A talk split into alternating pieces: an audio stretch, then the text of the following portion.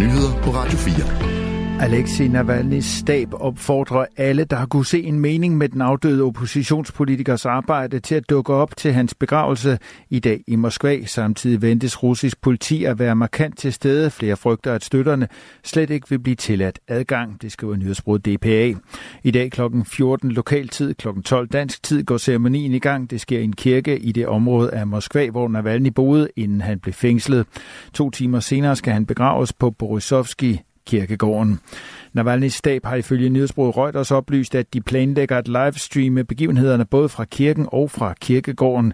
Det flugter dog langt fra med de russiske myndigheders ønsker. Det har blandt andet lyttet, at Navalny's mor af myndighederne blev stillet et ultimatum vedrørende begravelsen. Angiveligt skulle han enten begraves i stilhed eller i den straffekoloni, hvor han døde, har hans stab fortalt. Ultimatummet blev dog afvist af hans mor, den 69-årige Ludmila, ventede at deltage, men derudover er det uklart, hvem der faktisk får lov til at komme ind i kirken.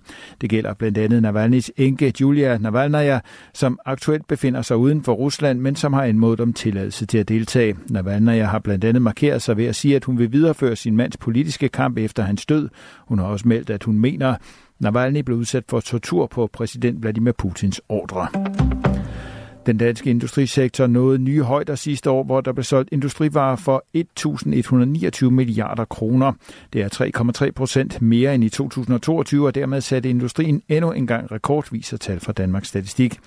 Det er dog få delindustrier, der trækker læsset, og særligt medicinalindustrien har haft stor fremgang. Her voksede omsætningen med 32,6 procent til hele 257 milliarder kroner, og dermed udgjorde medicinalindustriens bidrag hele 23 procent af den samlede industriomsætning.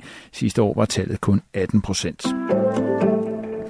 Over en milliard mennesker på tværs af jorden betragtes som svært overvægtige, det vurderer Verdens Sundhedsorganisationen WHO og en række internationale forskere i et nyt studie. Svær overvægt, det vil sige en BMI på over 30, er nu så almindeligt, at det er mere normalt end undervægt i de fleste lande. Et svimlende antal personer lever med svær overvægt, lyder det fra Majid Esati, professor ved Imperial College London og forfatter til studiet, som er blevet udgivet i det anerkendte medicinske tidsskrift Lancet. Det gælder især lav- og mellemindkomstlande, som tidligere har haft udfordringer med underernæring. Analysen betragtes som den mest retvisende af sin slags og er baseret på data fra over 220 millioner mennesker fra over 190 lande. Mens antallet af svært overvægtige i velstående lande virker til at være toppet, siger det ifølge Etsati med, stiger det ifølge Etsati med hastige skridt i andre lande. Før i tiden har vi opfattet svær overvægt som et problem for de rige, men det er et problem for hele verden, lyder det fra WHO. Luftfarten fortsatte i 2023 sin kurs mod tidligere tiders niveau, uden dog at være noget helt i mål. Tal fra Danmarks Statistik viser, at 16,5 millioner passagerer sidste år rejste ud fra en dansk lufthavn. Det er en fremgang på 18 procent sammenlignet med året forinden, men er samtidig 9 procent lavere end i rekordåret 2019, hvor coronapandemien endnu ikke påvirkede flytrafikken.